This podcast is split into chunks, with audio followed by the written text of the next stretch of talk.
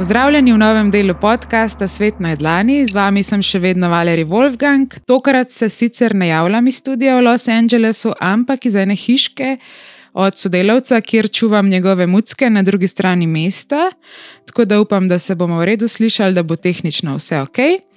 Potujemo pa danes v podkastu v Avstralijo, kjer se srečamo z Lano Erzin.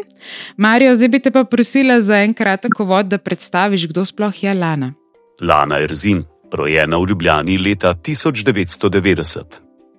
Potep po Avstraliji jo je leta 2016 premamil v daljši postanek na Bondiju v Sydneyju, kamor se je odločila, da se preseli iz Slovenije. Preživlja se z delom v vrtu, natančneje v jaslih. Tekom let pa sem se navdušila nad Pilatesom, ki je olajšal fizično delo in vsakdanjik povzpel na višji nivo. Kmalu zatem je postala tudi učiteljica klasičnega in reformer Pilatesa. Hvala, Marijo. Živijo, Lana, kako si, kje sem te ujela danes? Zdravo, Valerija. Ta trenutek se nahajam v Šiški v Ljubljani, ne boš verjela. V Šiški, um, ja, no, sej v bistvu preden nadaljujem, moram povedati, da se mi dve že kar nekaj let poznava, ker so bile sošolke v srednji šoli za oblikovanje in fotografijo. In že takrat mi je bilo v bistvu všeč, kako si razmišljala o Avstraliji, in pol si nekega dne dejansko uresničila te svoje sanje in res odpotovala tja. Ampak se pa redno vračaš nazaj v Slovenijo, verjetno zaradi družine. Ja, tako je, zaradi družine in prijateljev, ki pa so tukaj še zmeri meni nekaj zelo blizu in pri srcu. Kar se tega tiče, tudi sama veliko potujem. In tudi meni je kar težko, no, sploh, ker imam po celem svetu prijatelje in ni, nisem več čez njimi. Kako pa je te ta občutek, ki živiš v bistvu na južni polobli, ki je ne samo, da je tako daleč, ampak ima tudi popolnoma druge letne čase? Malo drugače kot v Sloveniji, um, pa tudi sama država je tako ogromna, da v bistvu sploh ne vem, če bi lahko Slovenijo in Avstralijo kakorkoli um, primerjali. In se je pa fajn izogniti zimi v Avstraliji, pa prideti v, v poletje v Ljubljano. V tem trenutku se mi zdi, da v Ljubljani verjetno dežuje. Prav imaš. Um, tako le malo mal sončka, malo dežja, mogoče kašna Maurica, ki je, ampak je pa kar um, zelo nuharjenje danes na, na sporedu. Ja, Ni panik. Mislim, da pa še vsake toliko malo počitka. Zdaj, kar se tiče Avstralije, Lana, uh, mene zanima, zakaj ti je bila v bistvu Avstralija tako všeč že takrat, še v srednji šoli, se spomnim. Kako to, da je ravno Avstralija? Pravzaprav, leta 2008 sem potovala v Avstralijo. Zdela se mi je zanimiva država, ker je tako drugačna kot nekaj, kar mi poznamo v Sloveniji, ima veliko oceana, ima veliko poščave, ima čist drugačno podnebje. In v bistvu me je to privabilo, da se spravim potem tja potovati, in skratka, slej ko prej sem tam ostala, leta 2016. No. Um, ampak to je pa to. Ja. Ja, kako pa je bilo, recimo, marsikdo ve samo zato, da v Avstraliji živijo kenguruji, to je pa dobesedno to. In zdaj me zanima, um, tako tvoja izkušnja. Se pravi, ko si potovala, si verjetno že doživela najprej stik z Avstralci, ki so, vsaj po moji izkušnji, jaz sem bila tudi enkrat v Avstraliji, so zelo prijazni, ampak kaj več pa tudi sama v teh dveh tednih, mislim, da sem bila v Avstraliji, nisem doživela. Zdaj me pa zanima, s čim si se ti mogoče srečala tako na začetku, ko si se odločila za selitev, kaj so bile take najbolj mogoče. Um, pomembne stvari, na katere mora človek pomisliti, ko se seli v Avstralijo, če kdo razmišlja o tej selitvi? Jaz bi rekla, da v bistvu, kakorkoli, če samo potuješ in potem se vrneš nazaj v Slovenijo, je to čist drugačen občutek, kot če se ti nekam preseliš. Um, s tem se spremenijo tvoje navade, s tem se spremeni tvoj način življenja in pa ta vnos vse te energije, da ti najdeš službo, da ti najdeš um, nastanitev, ki boš živel, da se skratka vklopiš vsa ta v ta vsakdanji tok življenja tam, je lahko kar kulturni šok, ker Avstralci delajo veliko čez mhm. teden. In se mi zdi, da je to mehen drugač v Sloveniji, Kaj to mogoče pomeni tudi... veliko, če lahko mogoče si konkretna, za razliko od slovencev? Bi rekla, recimo, tukaj delovniki so po šest dni na teden, uh mhm. -huh. um, ker enostavno stvari so kar drage, kar se tiče renta, uh, najema stanovanja, lokacije, kjer živiš. Uh, mogoče tudi tega lifestyla, ko greš ven žurat. Bi rekla, da ljudje delajo v veliko smislu dolgi, dolge ure. Se pravi, ne vem, jaz recimo delam od 7:30 zjutraj do 17:30 zvečer. Se pravi, pridem da, domov tam nekje okrog 8 zvečer. Uf. Primer. Torej so kar dolgi dnevi. Ja. A pa znajo, recimo, potem za razliko od uh, tega dolgega delovnika, avstralci tudi uživati, se znajo odklopiti, imajo kakšen dan res zase v tednu. Ja, bi, bi kar rekel, da to spet zavisi, v, če imaš kakšno družino, imaš otroke. Ampak ti moji vrstniki si kar znajo prvoščiti kakšno pivo na sobotni večer. Ja. Mhm. Zdaj, preden si se ti preselila v Avstralijo, oziroma še takrat v času selitve, ali si ti že prej v resnici imela neko službo zagotovljeno, ali si v bistvu šla svojim sanjam naproti in si potem sproti uh, našla primerno delo? Ja, vse je bilo več ali manj sproti, zaradi tega, ker nadaljavo urejati kakšno službo, kam mogoče ni v v IT-ju ali pa v kakšni pisarni. Jaz sem iskala službo v gostinstvu, je dovesedno najboljš, da se pride, prideš tja predstaviti um, fizično, kar, da se tam pojaviš z rezumejem in vprašaš, če imajo kakšno prosto delovno mesto. Mhm. Da vse se je v bistvu dogajalo s tem, ko sem tam pristala, ko sem si najdla uh, stanovanje, od tam je šlo naprej. Mhm. Ja, no, tukaj pa me tudi zanima, ker marsikdo, sploh v Sloveniji, potuje predvsem znotraj Evropske unije, kjer ne rabimo nobenih viz, ne rabimo v bistvu skoraj več dokumentov za prestop meje. Zdaj pa, če se selimo v Avstralijo, torej res na drugo celino, na drugo stran oceana, tukaj pa verjetno. Če sploh želiš delati, rabiš določeno vizo. Ali si imela kakšne težave z urejanjem teh papirjev? Ja, vse skupaj deluje kar precej kaotično ker se vse te stvari dogovarjaš preko računalnika, oziroma te, vse je online. Um, jaz sem se prijavila na študentsko vizo in sem upisala tam kurs Hospitality, kasneje pa um, Childcare, Early Childhood Education. Um, Kar mi je dalo to licenco, da lahko delam v vrtu kot vzgojiteljica v jaslih. S tem, da ja, pač te kursi so potem tudi malo dražji um, kot za za državljane Avstralije, um, ampak lahko pa tam delaš, sicer omejene ure, in to ti v bistvu da možnost um, za delo. Ja, in ti si v bistvu, eh, nismo še omenili, v katerem mestu se nahajaš, eh, kje živiš trenutno v Avstraliji? V Sydneyju, blizu Bondi plaže. Bondi plaža je ta glavna, v bistvu mestna plaža, ne, če se ne motim. Da.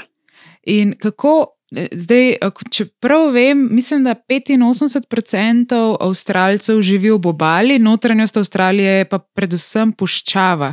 In me zanima, si kdaj je že potovala sploh um, poleg obaljnih mest, ki je bolj v notranjost puščave pa države? V bistvu nisem, ker to so take razdalje, da si ne, ne znaš si sploh zamisliti. 8 ur v avtu ni neki velik. Mhm. Pri nas, če razmišljaš, kje bi, kje bi pristal v osmih urah v avtu v Evropi, je že ja. daleč. Čez marsikatero državo bi že šel. Kaj pa je v bistvu jaz sploh eh, v resnici tam v bolj notranjosti? A so neka mesta tudi večja, mogoče? Uh, večja mesta, ne bolj so ta mala mesteca, uh, kmetije, farme, vinogradi, po čemer je Avstralija tudi poznana, to so zelo dobra vina. Pravi, da je lepo. Máš še marsikaj za raziskati. Zdaj Avstralija je, mislim, da je osma največja država, nisem čest prepričana, ampak tudi ena najbolj redko poseljenih. Ne vem, je mogoče Nova Zelandija, celo manj poseljena, pa Islandija, to nisem prepričana, ampak načeloma je Avstralija kar nizko poseljena, glede na velikost. In mislim, da se marsikdo ne zaveda, za kako veliko državo sploh gre.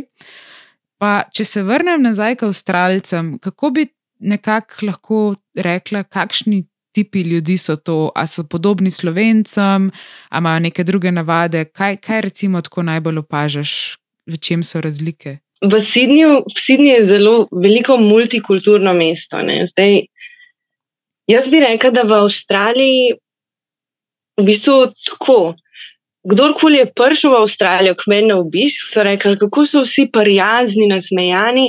Vsak te vpraša, mogoče, hej, how are you doing? Vse prav te pozdravijo in vprašajo, kako si. Pa je to mogoče nam nekaj čist čudenega, zaradi tega, ker mi pač se pozdravimo, ne sprašujemo se pa, kako smo.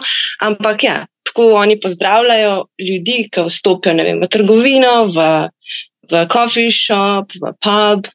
Um, se mi zdi, da to tale sonce in ocean kar pozitivno vpliva na mhm. vse ljudi. Ko pa opažaš, to recimo meni je tudi podobno tukaj, zdaj trenutno v Ameriki. Mislim, da imajo kar močne navade v smislu tega pozitivnega pozdravljanja, in po moje tudi vpliva vreme, ker Kalifornija je res vse čas sonce. Kako je pa navezati stike z domačini, zdaj, ko vejo, da ti pač si tam um, za dalj časa, da živiš tam, a te spustijo noter v svoje kroge ali imaš težave tako navezati stike z nekimi ljudmi, bolj globoke stike, mislim. Ja, to je, to je kar izziv, bi rekla, sploh od začetka. In se mi zdi, da ima tudi malo veze, v, ka, v kakšnem fohu delaš. Zdaj sem delala nekaj dovolj, mislim, kar precej časa v gostinstvu, kjer so večinoma delali tujci. Um, se pravi, v bistvu smo mi nekako formirali nek ta prijateljski krog, domačinov pa, kukor, se pravi, kot bi rekla, v Sydneyju niti nisem spoznavala. No. Večinoma ljudi iz Južne Amerike, iz Evrope, Amerike. Kakšni slovenci, recimo, je kakšna skupnost v Sydneyju, s katerimi si na vezi s slovenskimi? Poznam eno osebo in je tudi ta, ta moment trenutno v Sloveniji, tako da ne vem, kako smo se to zmenili. Um, ampak v bistvu ja, poznam samo eno osebo, ki tam živi, um, da prihaja iz Slovenije, da sem ga spoznala osebno. Um, je, so pa neke skupnosti, ampak ne blizu, kjer bi jaz živela oziroma imela dostop do njih. No. Kje pa so najbolj mogoče te slovenske skupnosti? Ker marsikdo se mi zdi, da pozna koga, ki se je preselil v Avstralijo, ampak ne vem točno, v katere predele se najbolj selijo slovenci. Pravi, da jih je veliko v Melbournu, pa za Pers sem slišala, da je kar dosti slovencev, se pravi, zahodna, zahodna Avstralija. Ja. Zanimivo. Mhm. Še drži, um, vsaj včasih, no, ko sem par let nazaj, je Avstralija imela kar dosta odprte roke za priseljence, pa me zanima, če še vedno dosta taka politika, da sprejemajo z veseljem tujce ali že mal otežujejo to migracijo. To, da so oni imeli odprti ti mese, se meni zdi, da, da se veliko navezuje na ene par desetletji nazaj um, kjer so potrebovali ljudi za delo, pa potrebovali so razno razne kadre, in, ja, in so ljudje dobili letalsko karto in možnost za delo v Avstraliji. Zdaj pa se mhm, je to kar. Letalsko karto, zanimivo. Mislim, da to vse se mi je bilo po dogovoru z, z, um, z tem podjetjem. Mhm. Ja.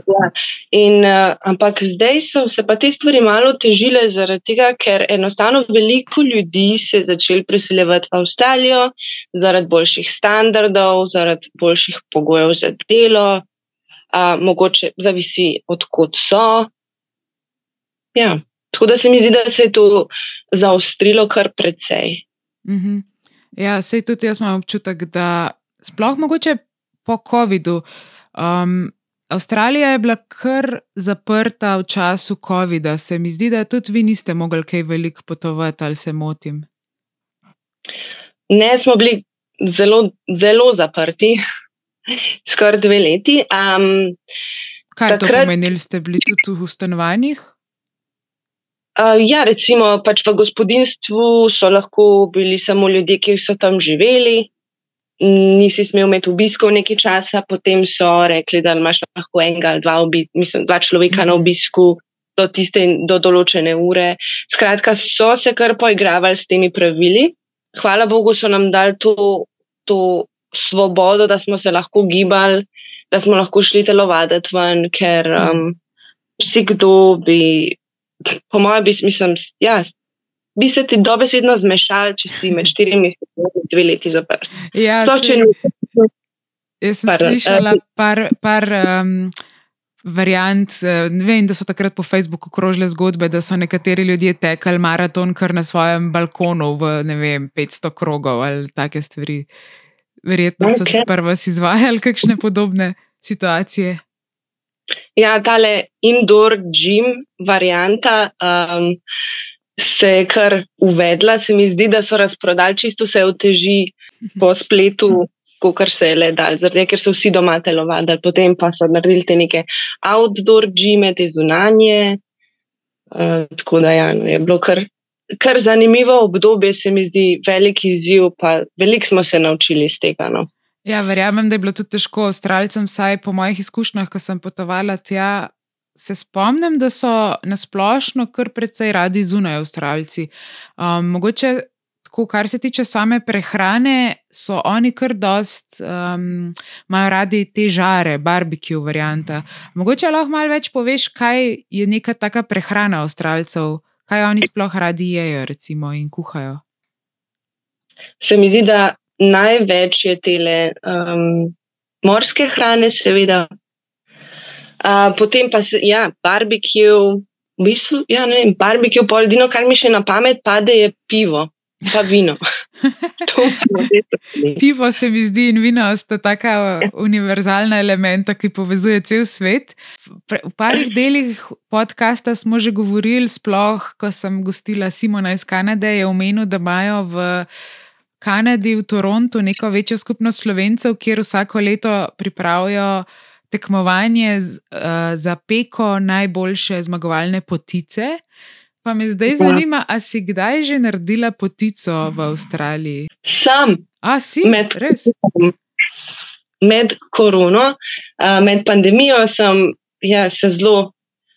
Sem se lotila malo slovenske kuhinje, uh, tako ker me pač Mhm. okus spomni na dom. Sicer moja potica je bila zelo delč od ta prave potice. A pa, pa so jo probali Avstralci, mogoče. Ja, moj fant je probil. Ja. Je rekel, da je bila zelo dobra, čeprav Hm. vem, da ni bilo tako. Ful me zanima, ker um, kar se tiče nekih teh jedi avstralskih, se jaz spomnim, da so, imel, da so takrat omenjali kot neko tradicionalno pecivo neke kokosove kocke. Kako oni temu rečejo, že mogoče spomnim. Um, Lamington. Lamington. ja. Lamington. Ja.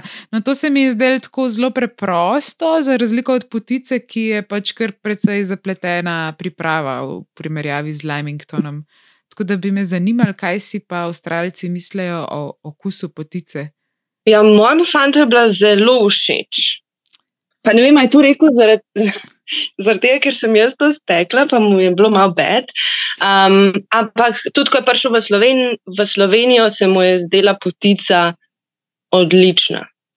Pol je to res ena taka zanimivost. Zdaj, mogoče Ja. tukaj moramo omeniti, da tvoj fant je iz Avstralije. Uh, iz katerega dela je on, kje si ga v bistvu spoznala? Spoznala sem ga v Sydneyju, ampak prihaja pa iz Perta, to je na drugi strani v zahodni Avstraliji. Kako pa je živeti, oziroma biti v zvezi, ki je druge narodnosti, če mogoče poveš kakšno zanimivost? Ja, mogoče malo kulturnih šokov, tako bom O. rekla. Šok. Um, komunikacija, mislim, da jezik bi lahko bila ena, ena stvar, kjer uh, v določenih trenutkih ti lahko dela malo preglavic, eh, zaradi tega, ker angliščina pač ni moj prvi jezik. On ne razume slovensko, tudi včasih moram kar malo zbrskati kakšno Mhm.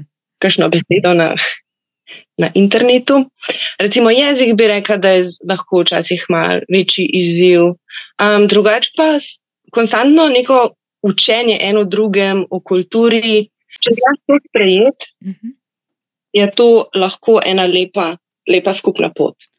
Ja, meni se tudi zdi to lepo, tudi, da pač spoznavate kulturo drug drugega na nek način, se mi zdi tako obogatitev uh, življenja, ker Avstralci, pa recimo Slovenci, Sej, nisem ljudje, smo ljudje, ampak vse en mal vpliva na nas, kjer smo odraščali, kakšna družba je bila okrog nas, v kakšni v bistvu politični situaciji smo rastali, ker tudi zgodovinsko, če gledamo Avstralija, ima čist drugačno zgodovino kot Slovenija, sploh to temno plat, ki jo verjetno Avstralci ne radi omenjajo za Borižini.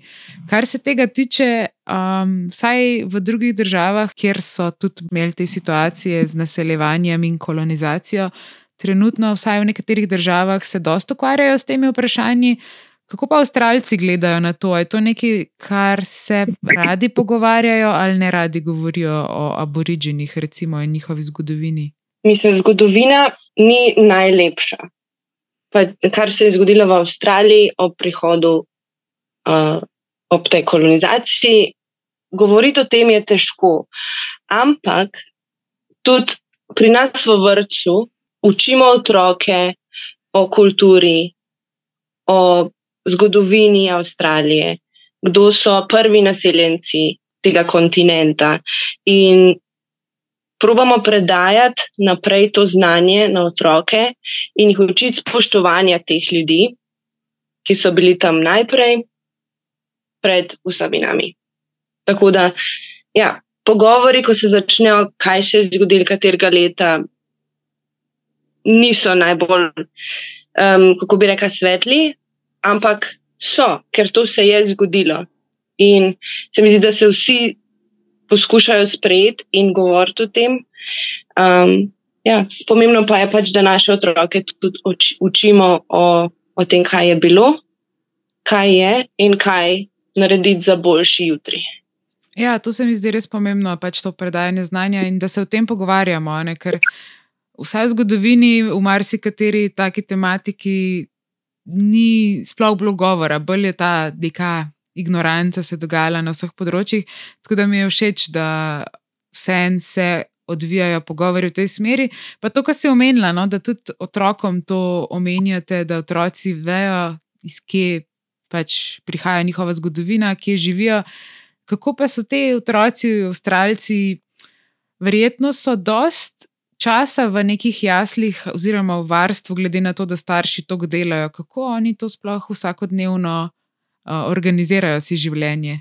Misliš, da vsak dan? Ja, ker to, da so toliko časa starši v službah, je verjetno kar težko, mislim, imeti še družino poleg vsega. Ja, kakšni otroci kar preživijo dolge ure v, v vrtu pri nas.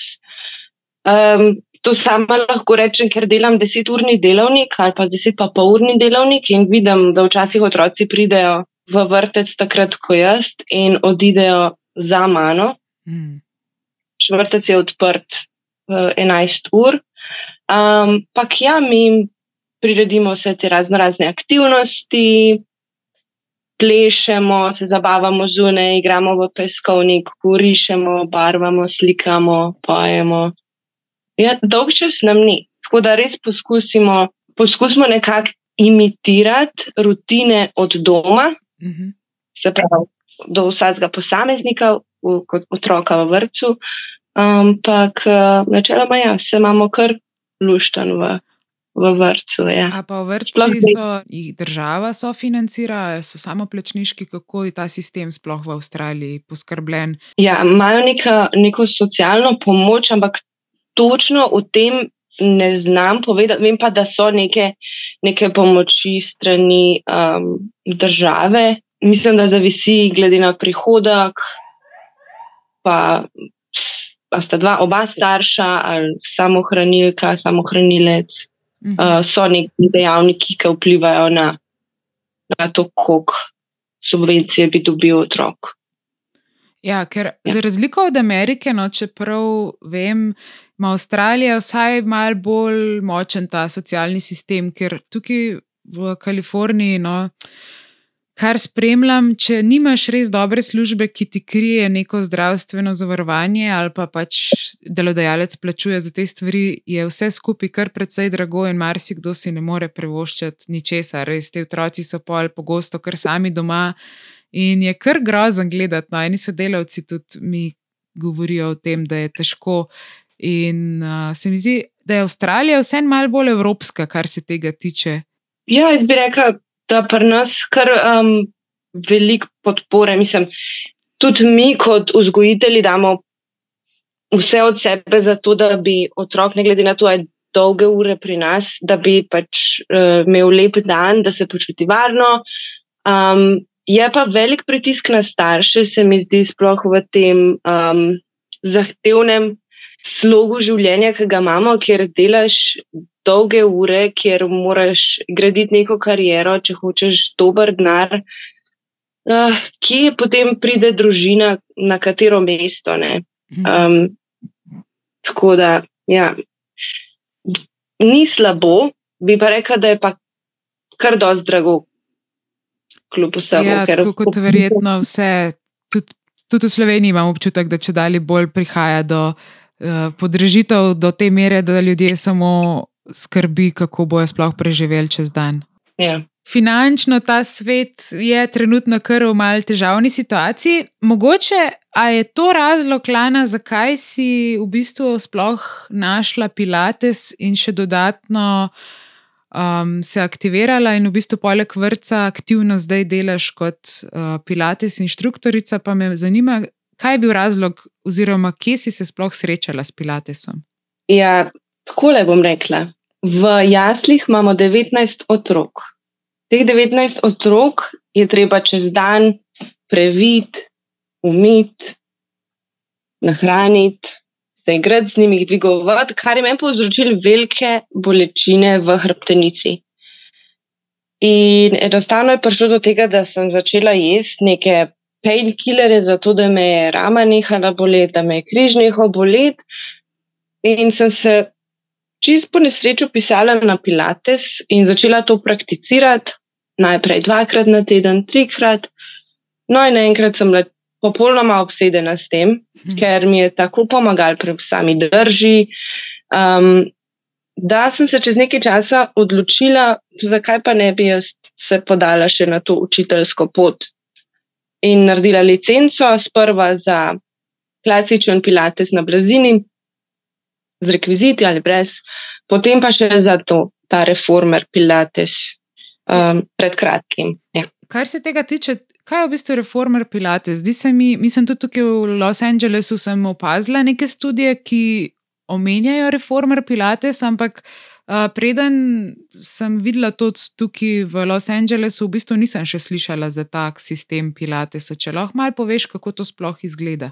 Uh, reformer temu reče reformer postelja, reformer bed, uh, je v bistvu, um, kako bi rekla, taka posla, dost pol metra od tal, z blazino in z vzmetmi, z raznimi štriki, ki jih držiš, in uh, v bistvu izvajaš določene pilate svadbe, ki bi bile mogoče malo bolj zahtevnejše, kakšne pa malo bolj olajšane, zavisi, zavisi od same vaje. Um, se pravi, to je tak aparatus, ki ga je Joseph Pilates um, izumil, ko je svoje učence učil Pilatesa. Tako. Eden izmed aparatusov. No. Ta pa uporabljajo tudi recimo, v fizioterapiji, v rehabu.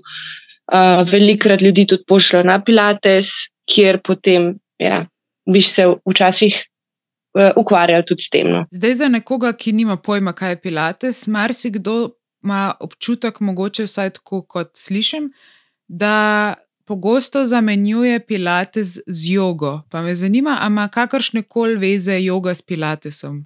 Uh, ja, seveda ima. Sej, uh, ta Joseph Pilates je sam prakticiral različne, uh, različne športe, med drugim tudi jogo, kjer odkudar je on vlekel vse te m, metode, kako izboljšati, oziroma kako izboljšati um, določene stvari, mišice, postavo, uh, ne vem, zavisi, česa se je lotil.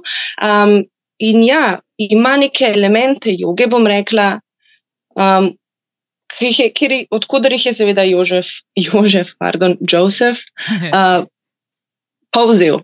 Po slovensko ja. Jožef. uh, po slovensko Jožef. Torej, tale Jožef um, inspiracijo črpal iz različnih športov.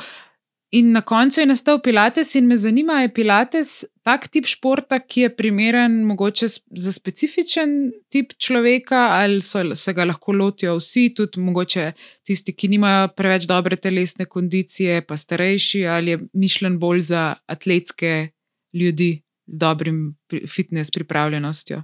Pilates je za kogarkoli. Kdorkoli se Pilatesa lahko lot, ne glede na to, koliko je star, stara, um, kakšne so njihove fizične sposobnosti. Um, gre se samo za vzpostavljanje nekega naravnega mišičnega ravnovesja. Um, in je pripomore k tem, da ti vsak dan si lahko zavežeš čevlje. Mislim, nekateri imajo s tem probleme, recimo, uh mhm. -huh. in obstajajo vaje za to, da se ti, da se ti enostavno um, raztegneš bolj ja, in izboljšaš svojo, svojo kontrolologijo svojega telesa. No. Kako pa um, Pilates za vse? V, v eni izmed prejšnjih delov je Mateja se javila iz Brazilije, kjer je omenila med drugim, da v bistvu Brazilci imajo tako navado, da poleg službe, ki tudi veliko delajo, namenjajo kar precej časa športni aktivnosti. Med drugim je rekla, da zjutraj, ko grejo na službo, da vid na plaži, vsi jogajo, tečejo, da ogromno telovadijo, da tudi po službi grejo v telovadnice, da res veliko vlagajo v to svojo dobro fizično. Telesno pripravljenost, kako so pa Avstralci, tudi uh, recimo Pilates doživljajo tako, da je to nekaj, kar radi hodijo, ali se trudijo pač biti malo telesno aktivni, v resnici pa niso preveč navdušenci nad fizičnimi dejavnostmi. Uh, se mi zdi, da tudi v Avstraliji se, vsaj govorim, kjer, uh, za Bonda, kjer jaz živim, se ljudje ja, veliko uh, ukvarjajo s športom. Se mi zdi, sploh ljudje, ki delajo v, v pisarnah, kjer sedijo veliko, um, je to kar del njihovega vsakdanjika. Pred ali po, nekateri tudi med kosilom gredo mhm. um, na Pilates. Um, ja. Kdaj se mi zdi, da je to tudi vse podobno? Ker imaš že pač delo v jaslih, kdaj pa sploh uspeš pokombinirati potem še delo s Pilatesom? Um, zdaj za poučevanje imam sobote, -huh. Za prakticiranje pilatesa pa vsak dan po službi. Uh -huh. Kakšen ponedeljek spustim. Ponedeljek, ki so pač namenjeni počitku, ja. je to osmi dan, ko je Bog ustvaril svet na novo. Um, iz kje pa je tale Jožef Pilates, ki si omenila, je on mogoče tudi iz Avstralije? On, mislim, da pa on v bistvu Nemc. On je Nemc, ki se je tekom svojega življenja preselil v New York, vmes se pa ja, med, uh, med Prvo svetovno vojno, pač je, je treniral tele vojake uh, z razno raznimi metodami, katere si jih je zmislil, glede na posameznika in njihove zmožnosti, fizične zmožnosti. Ti si pač v reformer Pilatesu trenutno zelo aktivna. Uh, Kaj pa razlika med nereformer pilatesom oziroma klasičnim pilatesom? Klasični pilates se izvaja, mislim, klasični pilates bi rekel bolj. Pilates na blazini se izvaja pač na blazini z raznimi rekviziti, kot so trakovi, žoga, obroč um, ali pa tudi čist brez vsega. Uh, reformer, za reformer je pa potrebna ta mašina, mhm. reformer mašina. Um, ja, na kateri lahko prakticiraš pač reformer. Se pravi, bi rekla, blazina je bolj dostopna, ker to dejansko lahko počneš kjerkoli.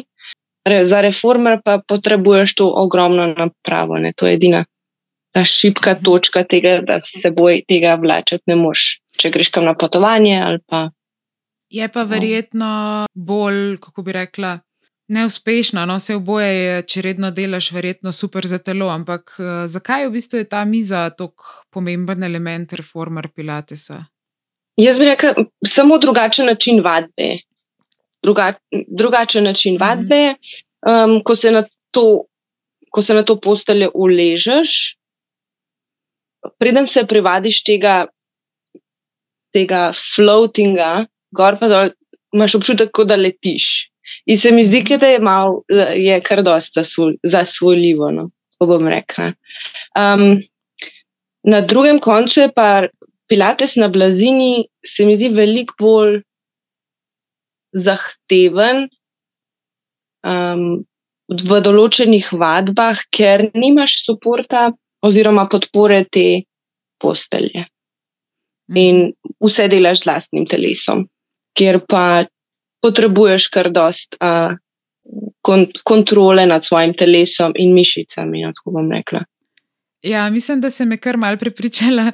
Moram zdaj čez poletje se mal tega lotiti, ker jaz pa tukaj trenutno sem v pisanju doktorata in to pomeni, da sem konstantno na riti, na stolu, pač se trudim se res uh, tudi čez dan zjutraj pred službo, pa tem pisanjem doktorata teč, pa mal kardija, tudi kakšne vaje za moč.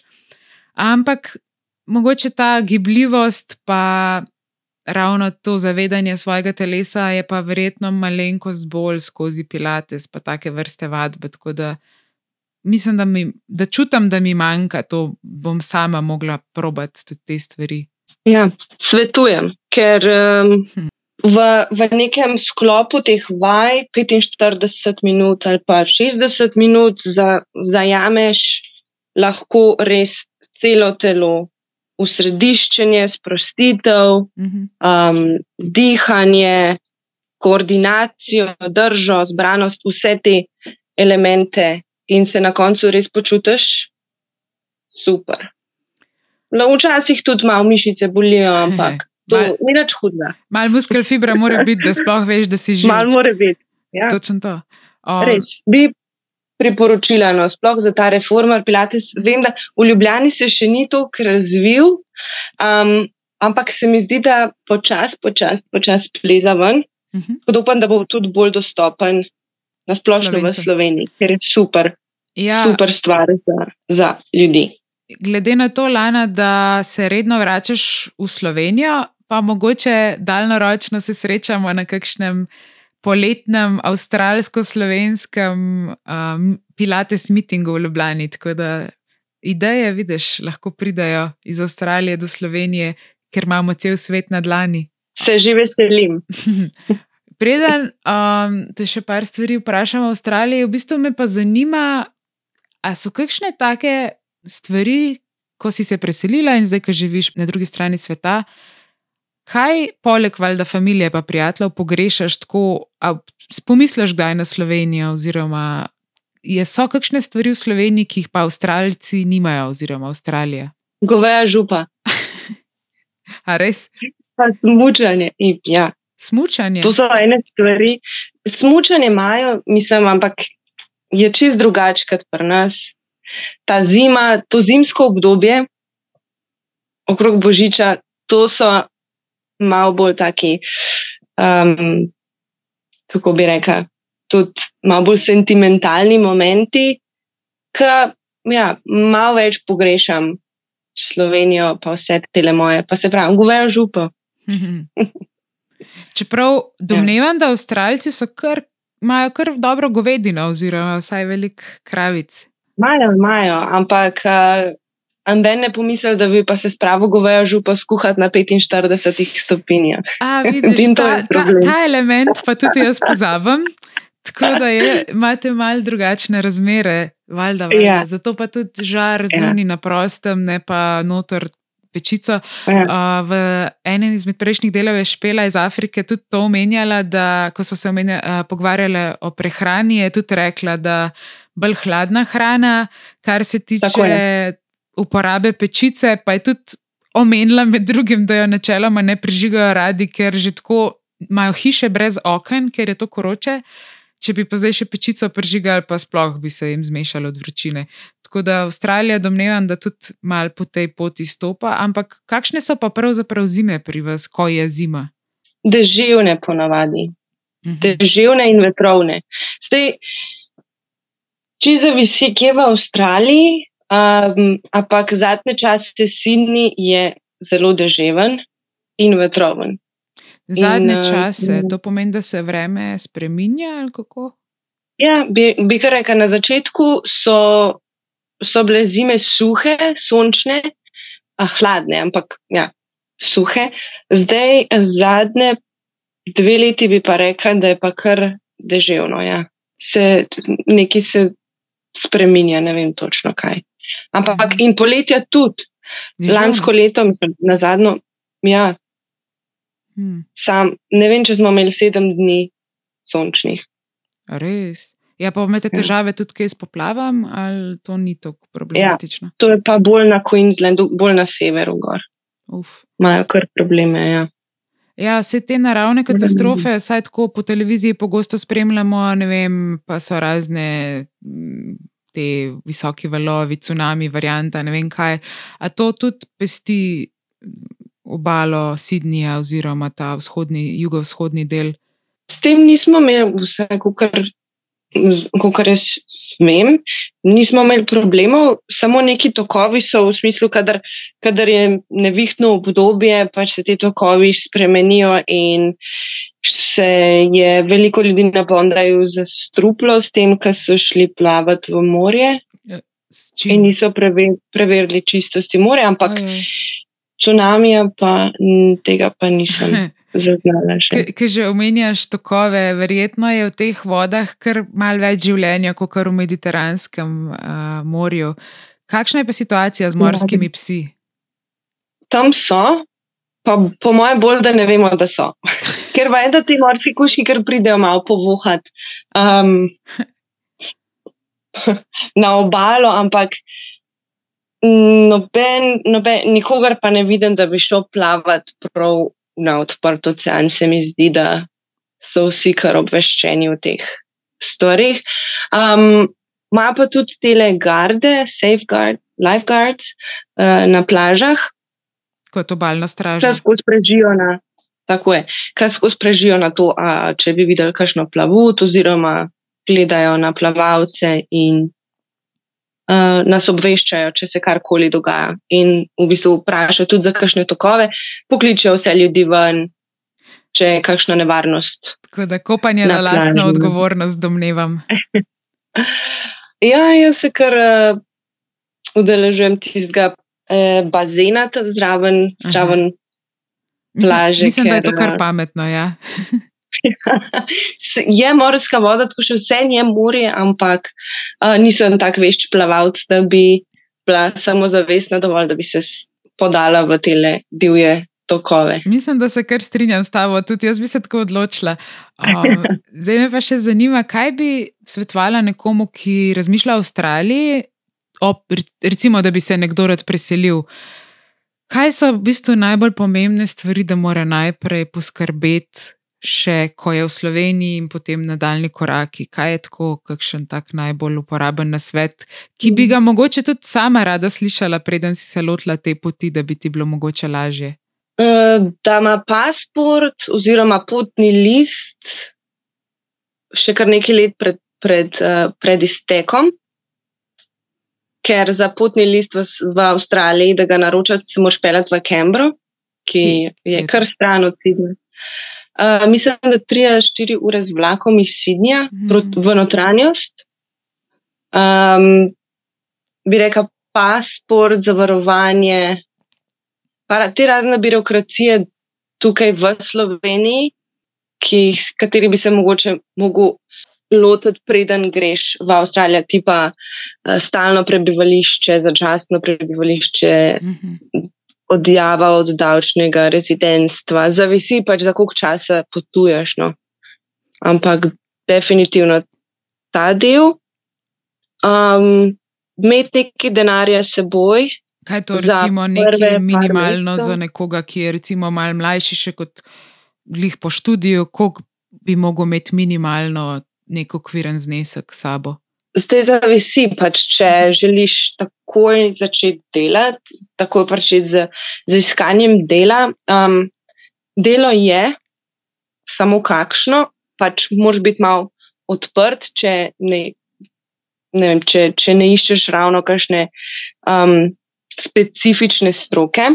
Kaj so recimo ti? Pa delo v šanku, Aha. delo v kafeteriji, uh, strežba, delo v, delo v trgovinah. To je vse na voljo. Um, ja, mogoče jaz bi kar rekel tam za preživeti za en mesec, ene dva jurja, pa pol po tam malem. Ampak to no, smo brez ja. zuranja. Tako. Ja. Ja, pa mogoče se pokonektati uh, na kakšni Facebook grupi, Slovenci v Avstraliji, vsi zelo radi pomagajo um, in dajo napotke. Ja, ja, meni je tudi vedno všeč, kamorkoli grem, tudi ko sem se zdaj selila sem v Ameriko ali pa še ne vem, v Nemčijo ali kamorkoli sem že šla. Sem vedno prej našla neke skupine na Facebooku, prav tako Slovenci v Nemčiji, Slovenci v ZDA, kjerkoli že. Obstaja tudi, saj jaz uh, sem v tej mreži Društva Vtis. Uh, Društvo Vtis v bistvu povezuje slovence, ki so študirali v tujini, ampak tudi če nisi študiral v tujini, v resnici je super se mogoče obrniti na društvo, ker imajo pač mreža po celem svetu kontaktov slovencev, tako da če ne najdete ravno zdaj v kakšni državi neke skupine Facebook, pol bi to, to svetovala, ne se verjetno obstajajo še kakšna druga društva. Um, kakšne so pa za nekoga, ki je pa že ne vem, recimo ima že neko kariero v Sloveniji, pa si želi čist spremeniti življenjski stil, mogoče je to drugo državo v smislu Avstralije, ker je boljše vreme, bolj sončno, večje površine, več zemlje. Kakšni so pa te sektori poslovni, ki pa so zelo zanimivi? Kaj manjka Avstralcem, kakšen tip služb, poleg teh um, v gostinstvu, recimo, kakšne so še kakšne take poslovne priložnosti, bi lahko rekla, za slovence? Um, jaz bi rekla, IT, to je vedno dobrodošla stvar. Um, vedno dobrodošel uh, nek, nekdo, ki se s tem ukvarja. Um, hm, hm, hm. Karkoli v zvezi z zdravstvom, zdaj ne vem, kako je s temi prekvalifikacijami. Um, zdravniki, medicinske sestre, Um, ja. Se pravi, verjetno te sektori, ki so načeloma iskani tudi uh, svetovno. Kaj pa kakšen turizem, turistične panoge, je tudi tukaj kakšna priložnost, mogoče za tujce, ali imajo to bolj domačini na nek način pokrito? Mm, se mi zdi, zavisi, kam greš. Ne? Zdaj v turizmu, a se za turizem smatra pač hotelirstvo, uh -huh. um, je to v istem, na istem nivoju, bi rekla, kot gostinstvo. No. Pač, ker vedno potrebujejo ljudi za delati, in um, se mi zdi, da v tem smislu ja. Kar se tiče pa razno raznih izletov, ima pa ne vem, mogoče, kakšni tujci, ampak imajo veliko uh, lokalcev, ki se s tem ukvarjajo. No. Se pravi, čisto mhm. odvisno, kam greš. Ja, Avstralija je res ogromna država, po mojem, si res ljudje tisti, ki ne potujejo veliko, težko predstavljajo sploh te razsežnosti. Jaz se spomnim, ko sem bila v Avstraliji, že pot iz Brisbanea do Sydneyja, se je na zemljevidu zdela čist neki tasga mehanga, ampak pa šlo za. Skoraj se je raztegnilo več dni, no, ampak sem si hotela pač pogledati več stvari vmes.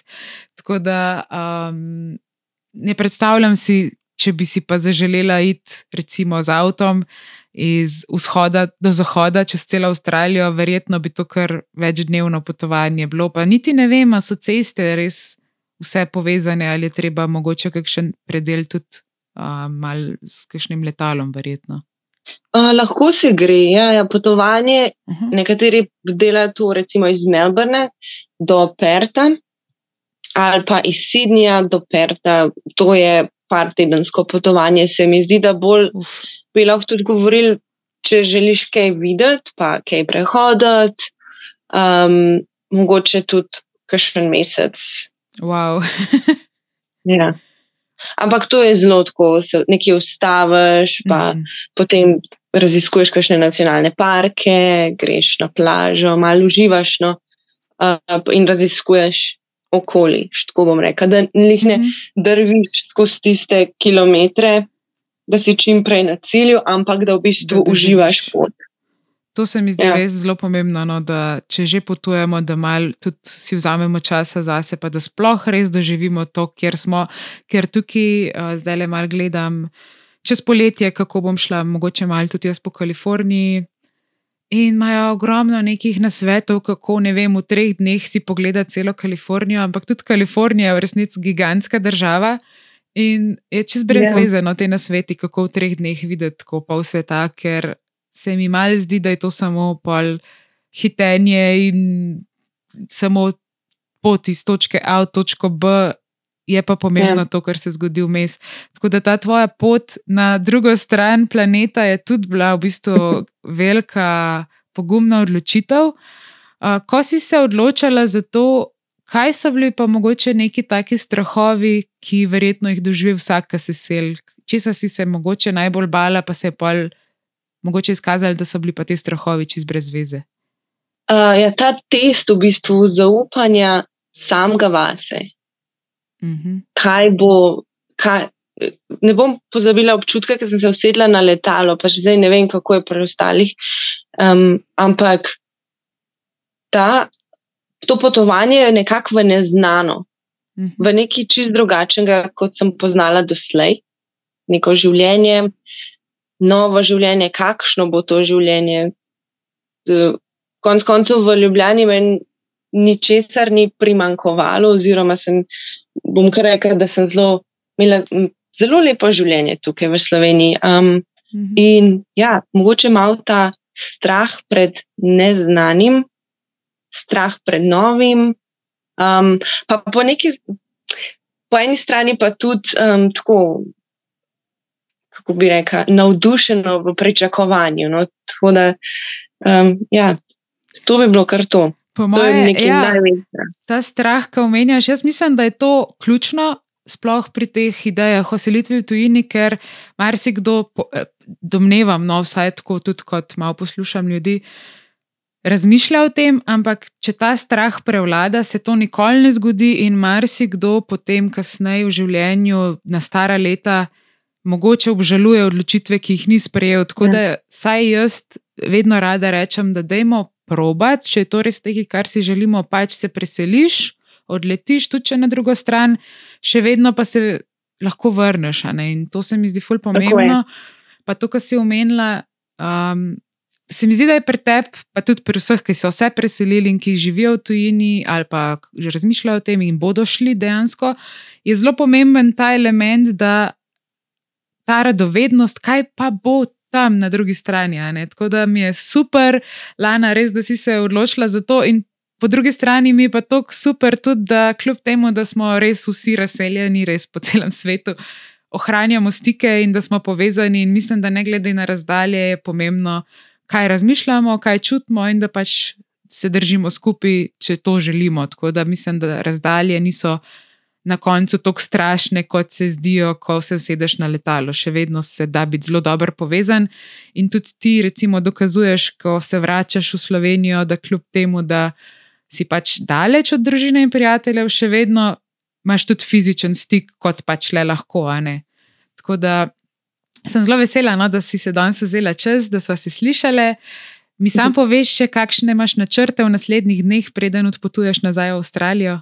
Sestrico greva v London za par dni, um, pa na morje gremo z družino, se še malo podružiti Mhm. in potem nazaj v Sydney. Hop Potem pa nazaj na pridemo jug. spet nazaj za Božič. Ja. Čez šest mesecev se vidimo. Za božič se vidimo, tudi jaz se vračam za božič in že brusim svoje smučke v mislih, tako da gremo Tako. smučati. Uh, hvala. Lana, jaz ti maham iz Los Angelesa in uh, lepo potuje London. Hvala, Valerija. Čau, Lana. A, še to, še preden pozabim, uh, Marijo, danes sva te pustila z Lano kar mal uh, počivati. Si mi pa danes omenil, preden sem poklicala Lano, da si tudi o njej napisal eno pesem, pa te prosim, če mi jo prebereš. Lana Erzin, v svet se rodi, v Ljubljani leta 90, v srcu vedno sanja, kam poti bodo zavili vihari dni. Skozi leta raste, uči se, korenine sedi, kličejo neznano, kličejo divja Avstralija ti. Nekoč, leta 16, ji pot zavije v Sydney, v bandi raje, odločitev je težka, a v srcu ve, da to je njen kraj Slovenijo zapusti, za novo domovino sprejme daljne prostore, z novim mestom se spaja, z vsakim sončnim vzhodom se zvije v nove zore. V vrtu dela, v jaslih, kjer se smeh otrok razvega, veselje in nasmeh otroških obrazov njeno srce neguje, sreča jo presega. Ko utrujenost in teža dneva postane breme preveliko, peloti si ponuja zatočišče, postane svetilo svetlo, njen vir energije neizmerno. Nauči se, trenira, svojo strast izpili, peloti si ne daje samo moči, ampak tudi njeno pot zavili. Učiteljica postane klasičnega in reformerja, v telovadnici ali na plaži, njen duh ustrajno sije, kot zvezda najsvetlejša. Lana Rzin, življenje tvoje je kot pesem, polna zvokov, v daljnih deželah si dom našla, v sebi pa najboljše odkrila stokov. Z vsakim novim dnem, z vsakim novim izzivom, s svojo strastjo vodiš, svet si odkrila, sebe odkrila in s to pesmijo tvojo zgodbo slavimo mi. O, Marijo, Marijo, ne vem, kaj ne rečem. Naj ti bo oproščeno, glede na to, da si produkt umetne inteligence in se še navajaš in učiš človeškega življenja, da je ta le izgovorjava določenih besed bila kar problematična, mal pa tudi ta le tvoja poezija šepa, tako da upam, da se v naslednjih delih še bolj izpiliš, zrasteš in postaneš pravi poet. Drage poslušalke in poslušalci, vam pa hvala, da ste se mi pridružili v novem delu podcasta Svet na Dlani. Povejte še komu, da se nam pridruži na naslednjih potovanjih. Prejšnje in vse naslednje vdaje lahko najdete na Google Podcasts, Apple Podcasts in na Spotify, lahko pa tudi spremljate mojo spletno stran svetnadlani.net ali pa me najdete preko drugih socialnih omrežij. Skratka, ostanimo povezani in naj bo cel svet na dlani.